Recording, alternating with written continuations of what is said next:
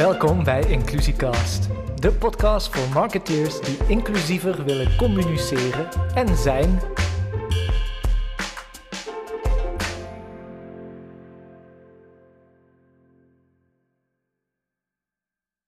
Hallo en welkom bij Inclusiecast. Ik ben Evita Lammes en vandaag gaan we het hebben over diversiteit en inclusie. Wat is het nu eigenlijk? Wat is het verschil tussen de twee? En wat kan, moet of wil jij ermee als marketeer? Natuurlijk ga ik jou dat niet vertellen, maar heb ik een expert aan wie ik al mijn vragen mag stellen. Madhu Mathura heeft als missie Nederland inclusiever te maken. Zij helpt met haar bedrijf Be Top of Mind bedrijven om de verschillen tussen medewerkers te benutten. Dit doet ze door middel van lezingen, tools, interne en externe branding en consultancy. Ik voel me vereerd dat zij de eerste aflevering van Inclusiecast met ons wil spreken. Helaas hadden we tijdens het opnemen een klein technisch probleem, waardoor ik langzamer reageer en Madhu sneller. Ze viel me tijdens het gesprek absoluut niet in de reden en ik lach normaal gesproken niet pas twee seconden later om een grap. We hopen dat je hier een beetje doorheen kunt luisteren en dat je kunt gaan genieten van de inhoud.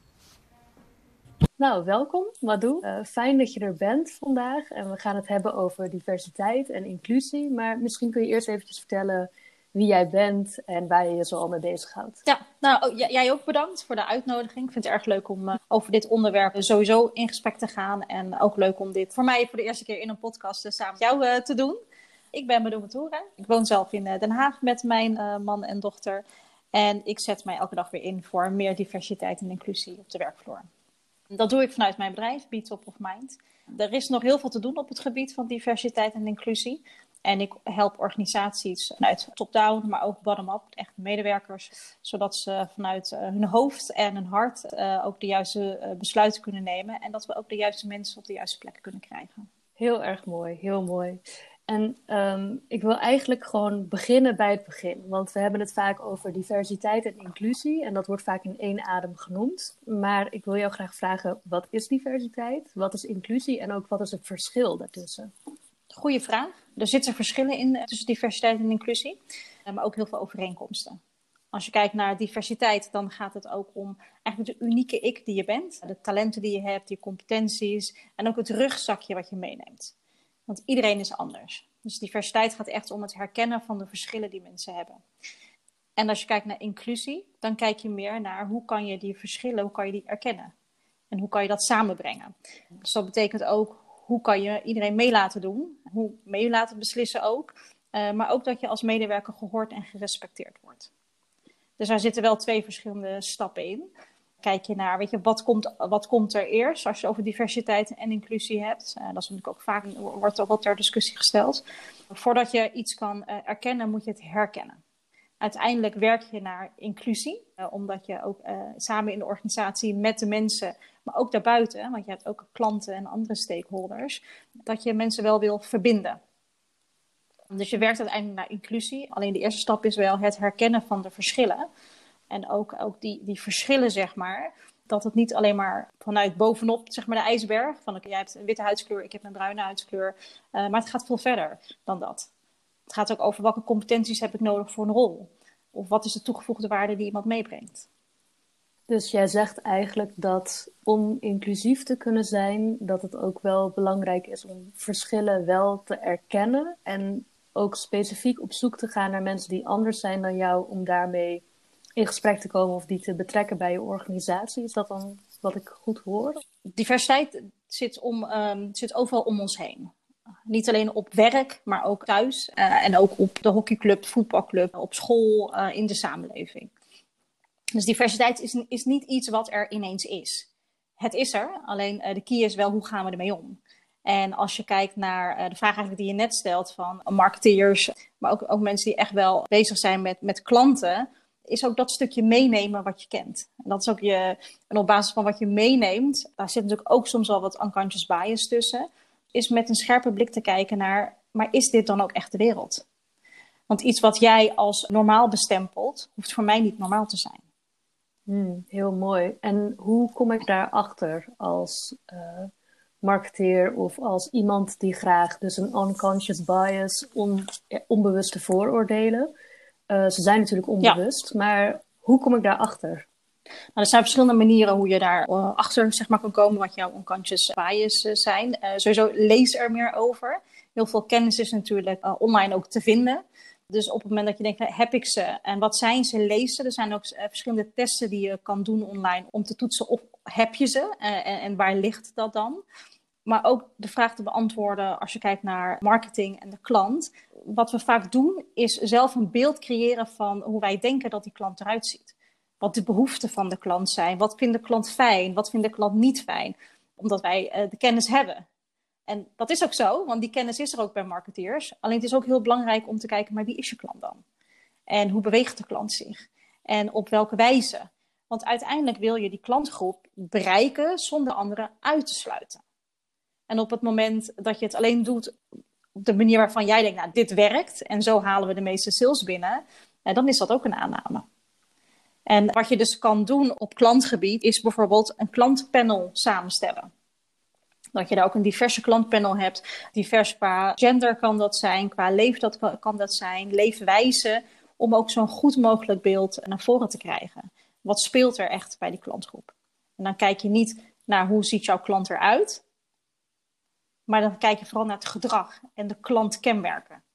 Mooi, ja, want wat ik merk is dat we zijn geneigd om dan een persona te maken. Dus in ons hoofd iemand voor te stellen die dan de klant is. Maar als je natuurlijk uitgaat van een stukje diversiteit, dan is de klant überhaupt een illusie. Dus dat iemand, uh, ik vind het altijd heel gek dat je moet beginnen met bepalen of iemand een man of vrouw is. En uh, het leef, leeftijd en opleidingsniveau bij het segmenteren. Want wat nou als dat helemaal niet relevant is voor hetgene wat je verkoopt. En um, volgens mij heb jij daar ook een hele mooie visie over van goh, op wat voor manier kan ik dan wel mijn doelgroep bepalen? Dus aan de hand waarvan ga ik dan uh, segmenteren eigenlijk? Ja, nou, wat uh, personas kunnen natuurlijk wel helpen. Dus ook als je kijkt naar, uh, naar marketing, helpen die om, om, om wel je activiteiten zodanig neer te zetten dat je een bepaalde groep bereikt. En kijk je dan naar een persoon, dan kijk je ook naar de kenmerken die zo'n persoon heeft. Dus dan heb je het, je hebt het eigenlijk niet, niet alleen over uh, hoe oud is iemand, uh, waar woont iemand, hoeveel kinderen heeft iemand. Het gaat veel verder dan dat. Hoe ziet een dag van zo iemand eruit? Wat vindt iemand fijn of juist niet fijn? En daarin zie je natuurlijk wel een, een, verschil. Want het gevoel en ook het gebruik van een product, dat kunnen voor verschillende mensen kan dat hetzelfde zijn. En dan maakt het niet uit hoe je eruit ziet. Of hoe oud of hoe jong je bent. Dus je hebt het dan meer over kenmerken van de klant en niet zozeer past de klant in dit hokje. Ja, precies. Het gaat dan meer over de klantbehoeften en welk probleem los je voor iemand op. En eigenlijk is het helemaal niet per se altijd relevant om daar een gender of een leeftijd of een uh, bepaalde culturele achtergrond op te plaatsen. Um, uh, nee, maar het kan wel handig zijn wat ik zei, ook qua activiteiten. Je wilt natuurlijk wel een bepaalde groep wil je bereiken en daar wil je ook activiteiten hmm. voor inzetten. Dus ik noem maar wat, heel platgeslagen gebruik je, maak je een advertentie op YouTube of LinkedIn. Dan wil je wel weten waar zit jouw doelgroep en welke kenmerken heeft de doelgroep. Hoe gebruikt jouw doelgroep bijvoorbeeld social media. Dus dat zijn wel dingen die je in de persona kan meenemen. Maar je kijkt dan vooral naar de kenmerken die de persona heeft. En hoe zo'n persona dan de klantreis bijvoorbeeld doorloopt. Hm. Ja, mooi. Fijn. Um, eventjes terug, want we zijn natuurlijk een beetje in de persona's opeens gerold. Uh, we hadden het over diversiteit en inclusie. En een quote die ik daarvoor heb gehoord is... Um, diversiteit is uitgenodigd worden op het feest en inclusie is uh, ten dans gevraagd worden. Zou je daar misschien iets op kunnen toelichten, wat jij daarvan vindt? Een, uh, ja, ik, ik ben het er niet helemaal mee eens. Um... Kijk, dat hoopte ik al. nou, dat heeft er ook mee te maken. Um, met inclusie hoef je niet uitgenodigd te worden je bent onderdeel van, dus je mag al binnenkomen. Dus dan staat je deur al open. Hmm. Dus ook bij een organisatie, op het moment dat er een, een, uh, een borrel of iets anders is, ja, en je drinkt niet en je denkt van ja, wil ik wel, weet je, wil ik wel gaan, wil ik niet gaan. Het feit dat je nog uitgenodigd moet worden, betekent dat er een selectie kan plaatsvinden. En als je kijkt naar ten dans gevraagd worden, niet iedereen vindt het leuk om te dansen op het moment dat ik op een feestje ben. Mijn partner houdt ook niet van dansen. Dus ik kan hem ten dans vragen. Maar als hij zich er daar niet prettig bij voelt en hij vindt het niet fijn. Uh, ja, dan is het leuk dat ik hem ten dans vraag. Maar uh, hij komt niet dansen, zeg maar. Dus het gaat vooral om het meedoen. En ik denk dat dat ook wel de achterliggende, hmm. um, um, zeg maar, in, in, in deze quote is. Dat het, het is meedoen. Het is uitgenodigd worden uh, van wees onderdeel. En die uitnodiging die vindt al plaats als je bij een organisatie komt werken. En dat is eigenlijk de uitnodiging. En meedoen, ja, dat zou eigenlijk een vast onderdeel moeten zijn. Maar dat is ook gevraagd worden. Maar dat is ook um, voldoende uh, ruimte en comfort te voelen om jezelf uit te nodigen.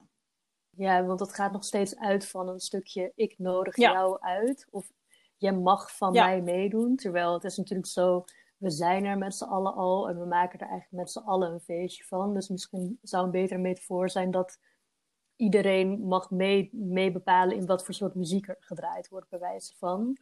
Uh, zodat het een, een inclusief feest is waarin iedereen iets, uh, of misschien niet muziek, maar dat je het samen ja, organiseert. Ja, dat zou kunnen. Alleen je hebt natuurlijk ook heel veel feesten met een thema, om het maar zo te zeggen. En dan is het ook leuk om te leren dat je juist me, dat je misschien zelf daar niet naartoe zou gaan zo snel. Uh, maar dat je wel even gaat kijken, wat is dat? En dat je ook open staat wat gebeurt daar zonder daar een oordeel over te hebben van ik vind dit uh, stom, niet leuk uh, of iets anders. Maar ook even nieuwsgierig zijn, maar wat gebeurt er dan op zo'n feestje? Um, dus dat is ook uitgenodigd worden. Het is niet alleen de mensen waarvan ik denk dat ze het feestje leuk vinden. Um, en misschien dansen ze niet mee, maar hebben ze wel weer uh, andere, ik noem maar wat, hè, andere mensen die ze zien of ontstaan daar weer mooie gesprekken. Mm. Um, dus ik, ik begrijp de quote helemaal en ik denk ook wel dat de quote voor heel veel mensen Um, ook, ook wel de term diversiteit en inclusie wat meer body geeft. Um, alleen ik zou hem graag een stapje verder willen pakken. Ja, mooi. En hoe zie je dat dan terug in de organisaties die jij begeleidt? Want we hebben het er ook over. Wat gebeurt er als je niets doet met dit onderwerp? Op het moment dat je uh, niet aan de slag gaat met diversiteit en inclusie, um, dan mis je echt wat. Uh, steeds meer zien we dat, en dat wijzen ook onderzoeken uit, dat je als werknemer of, werk, of, of medewerker je bent op zoek naar een baan waar je je ook onderdeel van de organisatie van voelt. Dus op het moment dat je, ook als je kijkt naar de War of Talent, als je die groep niet weet te bereiken, dat betekent dus dat je heel veel talentvolle mensen kan missen. Doe je er niks mee, maar roep je het wel. Dat hebben we vorig jaar ook gezien tijdens Black Lives Matter. Uh, zwarte tegels, heel mooi al die zwarte tegels. Mensen doen wat. Het is de eerste stap, want ze zeggen van oké, je, ik, ik heb een mening, ik vind dit niet kunnen. Op het moment dat een organisatie dat doet, dan moet je ook kunnen laten zien, wat doe je dan eigenlijk? En hebben de medewerkers dit gevoel eigenlijk ook? Wat voor acties doe je dan? Want dan krijg je met je window dressing. Dus als je als organisatie er hier niks mee doet, betekent dit iets voor de continuïteit eh, van je bedrijf. Want de klantgroep verandert, dat weten we allemaal. De mensen binnen Nederland, binnen de hele wereld, het verandert. En dan heb ik het niet alleen over hoe we ons bewegen, bijvoorbeeld online of hoe we producten kopen, uh, maar ook waar we voor kiezen. Ja, duidelijk. Dus jij zegt eigenlijk dat je moet er sowieso iets mee. Um, omdat natuurlijk een stukje omdat het gewoon the right thing to do is. Maar ook omdat het je iets op gaat leveren en omdat het nodig is om te blijven bestaan als bedrijf ja. relevant. Ja, en, en jij zegt net the right thing to do. Um, dit is normaal. Dit is het normaal. Dus het is niet het juiste om te doen. Dit is de basis. En, um, en, en daar, weet je, daar hmm. loop ik uh, ook wel soms tegenaan in organisaties. Dat ik dan de discussie heb van ja, maar weet je, we zetten het op prioriteitenlijstje. We willen dat wel een keer gaan doen. Um, of andere, andere mensen die ik spreek uh, vanuit de organisatie zeggen ja, weet je, ik wil dit heel graag. Of ik vind dit heel belangrijk, maar er is nu geen capaciteit. We praten er wel over, maar uh, eigenlijk is, we kunnen er niks mee doen. En, en, en hoe zie jij dan, hoe help jij mensen om daar overheen te komen van het idee van ik kan hier nu niks mee doen? Uh, ik spreek zelf voor organisaties uh, of medewerkers van organisaties die al wel uh, in een, bepaalde mindset hebben als je kijkt naar diversiteit en inclusie. Dat kan bijvoorbeeld zijn omdat er een diversiteitschart is getekend, of dat uh, de directie heeft gezegd: hier moeten we wat mee, of, of medewerkers zelf zijn opgestaan. Dat kan natuurlijk ook, hè? dat zij uh, hebben aangegeven van wij willen dat, dat dit een, een vast thema gaat worden binnen de organisatie. Dus daarin spreek ik al wel meer mensen die wel echt hier wat mee willen gaan doen mensen die nog twijfelen. Ik heb ook wel eens gesprekken dat mensen ja, ik weet niet wat het oplevert en uh, onderzoek zegt het. Welk onderzoek is dat dan? Nou, ik heb ze allemaal uh, netjes op een rijtje staan. en, maar ook van praktijkvoorbeelden. Dus je wilt ook praktijkvoorbeelden geven. En, en dan ga ik ook wel eens met mensen in gesprek en heb ik het over, weet je, hoe ziet jouw vriendenkring eruit? Dus die vijf mensen weer. En verbreed die groep eens. Ga eens gesprekken aan met andere mensen die anders zijn dan dat jij bent. En door die gesprekken te voeren, dialoog te voeren, ga je anderen ook begrijpen. Maar dan ga je ook ga je meer begrijpen over iemands cultuur. over waarom is iemand zoals iemand is. Dus je zegt ook van, je kunt het nou eenmaal niet, je kunt het niet loszien. Hè? Je kunt niet zeggen, we doen het op het werk, gaan we iets doen met inclusie of iets met diversiteit. Je moet dat echt leven en je moet het zelf eerst ook bewust worden, bezig gaan met je mindset, je kennissenkring verbreden. Uh, of nu misschien niet eerst, maar tegelijkertijd. En ik vroeg me ook af, want ik ben dus zelf natuurlijk een freelancer. Um, mijn bedrijf bestaat alleen uit mij. Uh, heb je ook tips voor freelancers zoals ik of mensen die echt een kleine organisatie hebben, uh, die nog niet divers um, is? Bedoel je dan in, de, in, in vaardigheden of bedoel je dan in je gedrag? Waar, waar ben je dan op zoek naar? Um, ja, eigenlijk als het dus niet is dat je iemand bijvoorbeeld kan aannemen om, uh, om diverser te zijn en die verschillende stemmen te horen, wat kun je dan doen? Um, ja, nou wat, wat ik heel veel zelf zie met de organisaties waar ik uh, mee werk, is dat uh, op het moment dat je uitgenodigd wordt voor een, een pitch of, of iets anders, steeds meer organisaties stellen dan ook de eis dat het een, een diverse organisatie is. En dat kan op verschillende manieren. Dat kan, uh, dat kan zijn ja, qua mindset, qua visie en hoe je, dat, uh, hoe je dat deelt. Maar ook in je communicatie, in je beeldtaal en de mensen met wie jij samenwerkt. Ja, mooi. Dus er zijn eigenlijk meerdere manieren waarop je dit kan doen. Kijk, het punt is dat waar ik zelf bijvoorbeeld tegenaan loop, is dat ik wil heel graag inclusief communiceren. Ik heb het daar veel over, ik praat erover, ik leer er zelf heel veel over. Maar ik ben natuurlijk wel gewoon een witte vrouw en ik doe dit alleen. Dus in die zin is mijn organisatie natuurlijk niet heel divers. Uh, dus ik vraag me af, wanneer ben je window dressing aan het doen en wanneer ben je echt uh, bezig met iets wat eh, helpt? Uh, nou, we zitten nu in een podcast over hoe we dit kunnen veranderen. En jij benaderde me al van ik wil meer leren. Ik meer, wil meer weten. Ik zie bepaalde dingen, zie ik niet, maar dat betekent niet dat het er niet is blijf jezelf ook ontwikkelen, ook op, op, op dit vlak. Weet je, wat, wat speelt er, wat is er? Uh, dus dat is voor mij een heel hele belangrijk onderwerp. Educate yourself, blijf leren. Ga in gesprek, dus dialoog. En niet zozeer actie-reactie, iemand zegt wat. Ga niet in de verdediging alsjeblieft, luister. Luister wat iemand te zeggen heeft en probeer dat ook zonder oordeel uh, te doen ja, dat zijn de twee punten die ik uh, wil meegeven. En als je het over inclusief communiceren hebt en ook, ook eigenlijk je positionering om dat meer inclusief naar buiten te krijgen, kijk dan goed ook naar je, teksten en ook naar uh, beeldmateriaal. Heb je daar concrete tips voor of heb je misschien valkuilen die je vaak ziet? Nou, wat je soms nog wel eens ziet is dat er bepaalde stokbeelden uh, gebruikt worden. En dan kom je in de organisatie en dan denk je qua stokbeeld, nou weet je, een mooie verdeling en het is net bijna echt. En dan kom je in de organisatie. Heb ik vaker gehad. En denk ik, dit is niet de afspiegeling van uh, de organisatie. Of het geeft geen goed beeld van de organisatie, laat ik het zo zeggen.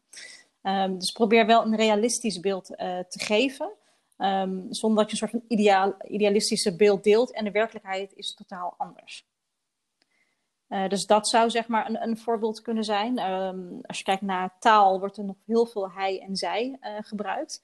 en doe dat gewoon mensgericht. En uh, ja, dat, dat, dat is ook, uh, weet je, genderneutraal communiceren is gewoon mensgericht. En vaak wordt het dan zwaarder gemaakt dan het is. Dat is het totaal niet. Nee, het hoeft natuurlijk helemaal niet uh, ingewikkeld te zijn. Toen we elkaar hiervoor spraken, had je een heel mooi voorbeeld van de NS. De NS is beste reizigers. Dus dan heb je, heb je niet over hij en zij, maar je hebt, over, je hebt het over de mensen die gebruik maken van je dienst.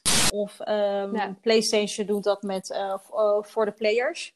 Dus daarin kan je wel gaan nadenken over wie gebruikt jouw product of wie gebruikt jouw dienst. Zonder dat, dat je een label daaraan hoeft te plakken van wat iemand is of wat jij denkt dat iemand is. Man, vrouw, leeftijd, kleur. Dat, dat, weet je, dat, dat hoeft niet. Ja, en dat komt vaak denk ik toch ook voor uit vooroordelen. Dat als je begint met schrijven, dat je uitgaat van een bepaald type. Uh, en dat je daardoor uit automatisme, eigenlijk zonder erbij na te denken, een hij-zij gebruikt, omdat dat nou eenmaal makkelijk schrijft. Terwijl met een paar kleine tweaks kun je heel makkelijk dat omzeilen. En dat hoef je aan de voorkant niet terug te zien. Dat je denkt, oh, wat is hier moeilijk gedaan om hij of zij te vermijden. Dat hoeft helemaal niet, uh, nee, helemaal niet zichtbaar te zijn aan de voorkant. Terwijl je dan wel iedereen uh, erbij haalt. Dat je zo min mogelijk mensen zich ja, dat voelen dan vraag ik me af, heb je nog andere tips of dingen die mensen vanaf morgen of eigenlijk vanaf dit moment uh, kunnen veranderen in ofwel hun mindset ofwel gedrag? Een, een aantal zijn al genoemd, dus ik wil een aantal nog even terugpakken en even opsommen. Zodat, uh, ik denk dat dat dingen zijn die iedereen wel kan hmm. meenemen. We hadden het eerder over persona's, over klantreizen. Um, en ik wil ook degene die het luistert challengen om na te gaan, maar wie is die klant dan eigenlijk? Wat zijn dan die klantkenmerken? Uh, en dan gaan luisteren zonder oordeel. En daarmee bedoel ik dan ook echt contact zoeken. En niet alleen lezen online van uh, wat doet zo'n persoon, uh, hoe ziet zo'n dag eruit. Echte mensen. maar dat kan je bijvoorbeeld doen via een klantenpanel of ook gewoon klanten bellen. Neem daar ook de tijd voor. Want het is zulke waardevolle informatie, dat gaat je helpen in, in je hele marketingstrategie. Um, kijk je naar communicatie. Communicatie is iets wat ons verbindt, uh, maar ook soms kan uitsluiten. Eigenlijk het voorbeeld wat jij net gaf over uh, genderneutraal communiceren. Uh, dus wat is jouw tone of voice in de organisatie? En kijk daar dan ook scherp naar met elkaar en bespreek ook richtlijnen van hoe jullie ermee binnen de organisatie omgaan. En daarnaast blijf leren. Blijf leren, blijf je ontwikkelen. Uh, vaak uh, zie ik in de praktijk, ook bij collega's en ook in bedrijven, dat, um, dat je een bepaald aandachtsgebied hebt. Dat is jouw vakgebied en daar weet je alles van. Dus dat ga je continu, ga je dat ook, wil je dat, wil je daar beter in worden. en dat zijn ook dingen die je op school hebt geleerd of tijdens een opleiding of een training. Alleen sommige dingen leer je niet tijdens een opleiding of training. En wees daar ook nieuwsgierig naar. Ik las bijvoorbeeld uh, vanochtend dat, uh, dat Unilever uh, heeft aangegeven dat zij op de shampoos geen normaal haar meer gaan zetten. Gaan plaatsen, want er is geen normaal haar. Jouw haar is normaal, mijn haar normaal, is normaal, iedereen zijn haar is normaal. Maar verdiep je dan in waarom gebeurt dit eigenlijk? Dus ook vanuit je marketingachtergrond, waar komt deze discussie vandaan? En, en, en waarom vinden mensen dat, dat dit anders moet? En dan ga je dus ook verschillende inzichten ophalen. Juist ook de inzichten die je niet hoort. En die zijn belangrijk. Het gaat dus allemaal eigenlijk om het gesprek aangaan en je inlezen, blijven leren. Um, heb je nog tips voor hoe je het gesprek het beste kan openen of hoe je op een respectvolle manier iemand hiernaar vraagt? Want natuurlijk niet iedereen zit hier ook misschien op te wachten om een, een teacherrol op zich te nemen over dit onderwerp. Um, hoe kun je dat op een nette manier vragen aan iemand of het gesprek openen? Waardoor iemand zich niet ook onder druk gezet voelt van jij moet dit voor mij oplossen. Als in ik kom niet naar jou toe met hey, jij moet de oplossing hebben. Maar hoe gaan we het hierover hebben? Of, um, ja, ik, ik zit te denken, voor mij is dat heel normaal. Dat is gewoon een gesprek aangaan. Ja, dat is heel gek, uh, want jij stelt me zo en ik ben echt aan het nadenken. Ja.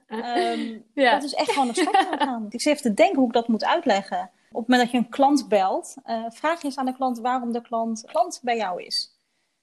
En hoe, hoe de klant jouw product of dienst ervaart. Um, en dan kan het ook zijn dat je een klantonderzoek doet en een specifiek onderdeel daarvan wil weten. En ga daar dan dieper op in. En dan niet op kenmerken van de persoon, maar het gebruik ervan bijvoorbeeld. En heb je het over het gesprek aangaan met elkaar? Hoe, hoe doe je dat nu eigenlijk zelf? Ja, eigenlijk gewoon door het te vragen en het dicht bij mezelf te houden. Dus door te zeggen, ik wil graag leren, inderdaad. Um, ik zie dat jij dit of dat doet. Ik ben nieuwsgierig waarom. Of als iemand mij bijvoorbeeld corrigeert ergens op, dat ik dan ook vraag: Oh, maar hoe, uh, hoe kan ik het dan beter doen? Of um, wat is hier dan schadelijk aan? Of ik begrijp ja. het niet helemaal, kun je het me uitleggen? Um, zonder dat per se van een ander te verwachten. Want het is natuurlijk Um, het is niet de taak van de ander om mij uh, dingen te leren. Uh, en het kan ook zijn dat ze daar helemaal geen zin in hebben of geen ja. behoefte aan hebben, natuurlijk.